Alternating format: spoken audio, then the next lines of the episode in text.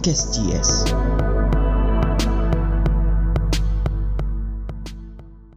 Bismillahirrahmanirrahim. Assalamualaikum warahmatullahi wabarakatuh. Halo masalah, selamat datang kembali di podcast CIS dari KSI CIS FEB Universitas Brawijaya. Bersama saya sebagai host saat ini yang akan berbincang-bincang asik nih sama narasumber yang asik juga dong pastinya. Oke, sebelumnya kenalin aku Bayu dari Ekis 2019 yang membersamai kalian beberapa kemen... tolong, tolong, tolong. Oke, kenalin, aku Bayu dari Ekis 2019 akan membersamai kalian beberapa menit ke depan pastinya. Oke semuanya, saat ini kita bakal ngebahas salah satu departemen yang ada di KCCS yaitu dari Departemen R&D. Nah, mungkin pada kepo ya, sama apa sih yang ada di departemen ini? Oke, kali ini udah bersama kita semua seorang narasumber yang kece yang akan menjawab semua kekepoan kalian tentang Departemen R&D. Nah, kita sambut narasumber kita yaitu Bang Shoki Algifari. Assalamualaikum Bang Shoki Algifari. Waalaikumsalam warahmatullahi wabarakatuh. Halo teman-teman CS dan adik-adik maba 2020. Semoga sehat selalu ya di mana pun. Amin. Kira-kira nih nama panggilannya apa nih Bang kira-kira? Oh iya, aku belum kenalin diri. Pertama, kenalin aku, nama lengkap aku Muhammad Syauki Algifari. Dia simpelnya dipanggil Oki aja. Dan sekarang diamanahi sebagai Kepala Departemen R&D. Apa sih itu R&D? Nanti kita bahas lebih lanjut ya. Dan aku mahasiswa program studi ekonomi Islam angkatan 2018. Oke, mantap. Bang Oki panggilannya ya. Iya. Kabarnya kabarnya baik, Bang? Alhamdulillah baik. Alhamdulillah mantap. Oke, mungkin teman-teman udah kenal ya. Maksudnya lebih udah kenal lah sosok Bang Oki ini dari dari apa, dari prodi apa, tadi dari Yasin. Oke, saat ini mungkin uh, kita lebih masuk lagi ke dalam. Saat ini Bang Oki menjabat menjadi Kepala Departemen R&D KCCS. Oh ya, BTW Bang, mungkin bisa dikasih tahu nih, apa aja sih program kerja yang terdapat di Departemen R&D? Biar teman-teman mungkin ada gambaran lah ya jika mau masuk ke Departemen R&D nih. Monggo Bang, silahkan. Wah, kalau ngomong-ngomong tentang R&D, ini departemen yang kece parah sih emang. R&D itu jadi singkatan dari Research and Development. Namanya aja keren kan ya, Research and Development. Kalau artinya tuh penelitian dan pengembangan. Jadi R&D ini tuh inti keilmuan dari CIES. Semua kegiatan keilmuan itu dikoordinir sama Departemen R&D. Jadi bagi teman-teman yang tertarik nih kajian, tertarik pengembangan prestasi, tertarik untuk memperluas wawasannya secara intensif, itu R&D tempat yang cocok banget buat kalian yang punya minat di situ. Nah, program kerjanya apa aja sih di R&D? Kalau kita berbicara tentang program kerja, karena tadi R&D ini fokusnya ke keilmuan, tentunya program kerjanya pun sifatnya sebenarnya nggak cuma belajar aja. Jadi teman-teman jangan khawatir di RN ini cuma belajar aja. Enggak kok. Ini nggak cuma belajar aja. Kita juga suka main-main kita suka diskusi dan lain sebagainya yang sifatnya asik lah tentunya. Pertama tuh kita rutin itu ada namanya R&D time. Ini setiap pekan R&D time ini kepanjangannya read and doing time jadi R&D time nanti kita bakal diskusi, kita sharing-sharing sama staff-staff R&D yang lain. Tujuannya untuk memperluas wawasan dari anak-anak R&D itu sendiri. Terus bagi teman-teman nih yang senang banget ikut-ikut kajian, dengerin pemateri, bahas materi-materi menarik yang kontemporer, itu ada kajian Rabu petang atau nama lainnya itu CS Economics Club. Nah, nanti ini kita akan ngadain CEC spesial, singkatannya CEC ya. CEC spesial dan kita dapat apa yang keren.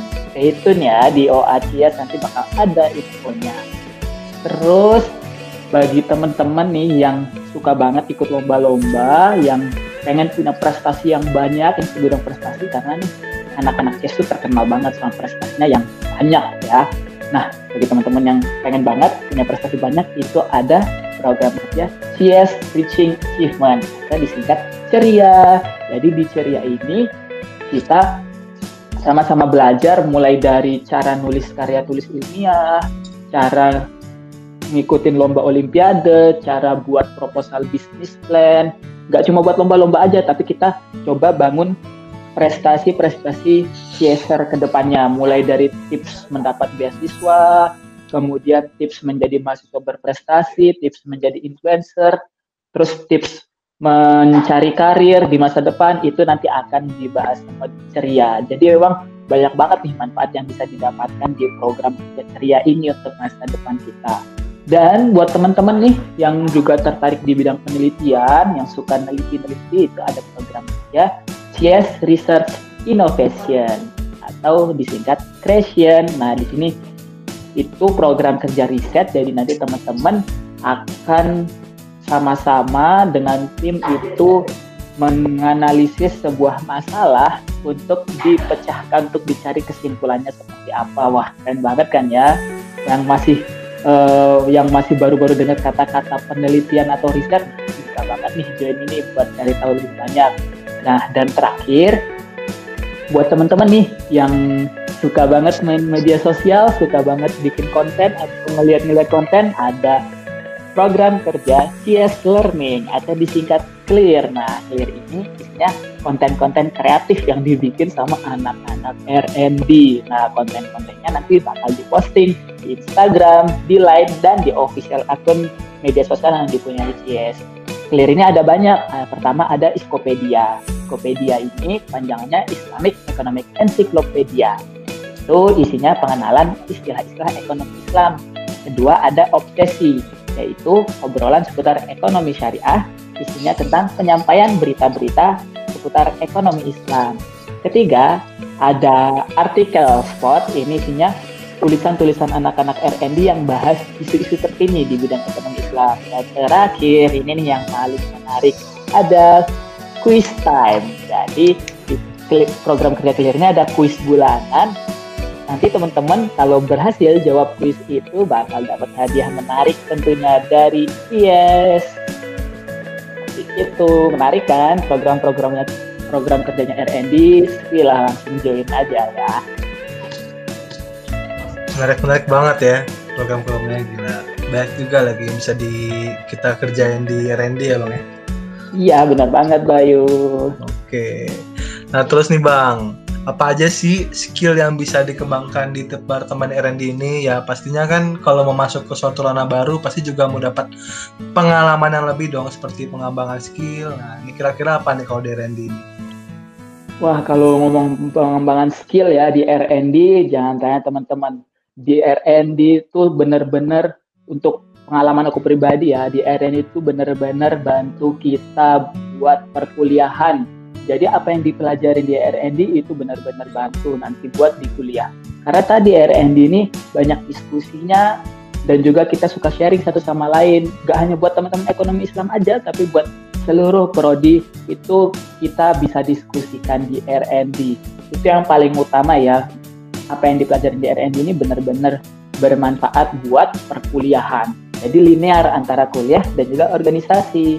Terus selain ke, kema, selain pengetahuan akademik di RND juga kita bakal belajar tadi e, berkaitan dengan proker-prokernya kita juga belajar menulis, menulis karya tulis dunia, kita juga belajar belajar tentang penelitian, kita juga belajar cara buat konten dan yang menjadi ruh yang menjadi ruhnya R&D ini kita bakal belajar diskusi. Jadi teman-teman kalau misalkan mahasiswa nih kan pasti sering banget ya diskusi entah itu di kelas atau di luar kelas. Nah di R&D ini bakal bisa banget melatih skill diskusi teman-teman mulai dari cara ngomongnya, cara menyampaikan pendapat, cara menyanggah itu bakal terlatih secara alamiah di R&D juga nanti kita suka bahas buku-buku menarik terutama tentang ekonomi Islam. Jadi teman-teman bakal digerakkan untuk meningkatkan literasinya di RND karena mahasiswa harusnya suka baca buku dong. Gitu Bayu. Hmm, mantap mantap mantap. Banyak banget ya bisa kita kembangkan di RND ini. Iya. Oke oke lanjut nih bang.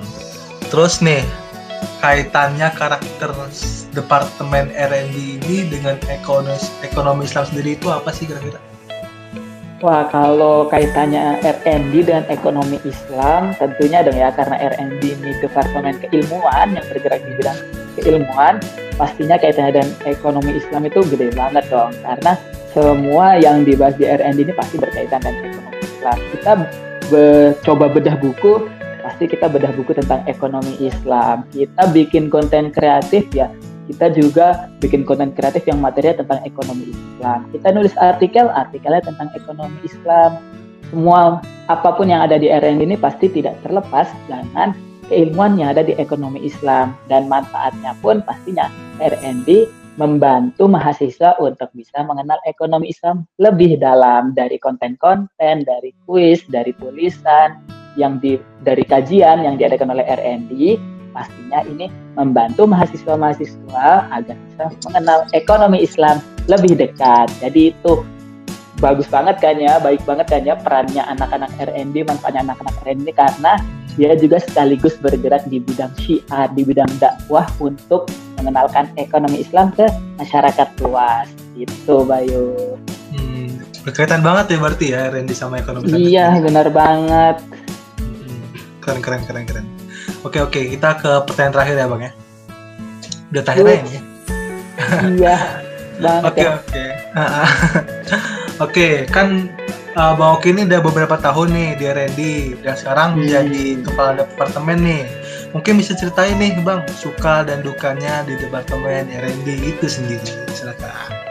Wah ini nih ya yang menarik cerita di R&D ini bukan kaleng-kaleng sih. Sebelumnya aku pengen cerita dulu nih. Kok bisa sih aku nyasar ya? Nyasar ya bahasanya. Ya. Kok bisa sih aku masuk di CS? Jadi waktu waktu masih maba itu masih polos-polos ya emang iseng-iseng gitu kan. Ada expo lembaga keliling-keliling. Eh ada stand CS nih. Aku lihat kok kayak uh, keren gitu kan ya. Ada piala-pialanya ada ya tertarik banget gitu loh ngeliat pialanya yang banyak nih. Kayaknya anak-anak CS ini berprestasi banget nih saya ikut lomba-lomba. Akhirnya aku datanglah ke standnya. Aku cek ini nih ada satu departemen research and development. Nah aku tanya ke kakak-kakaknya tuh kak ini departemen apa sih? Oh dia bilang oh ini departemen yang bergerak di bidang keilmuan sama buat prestasi.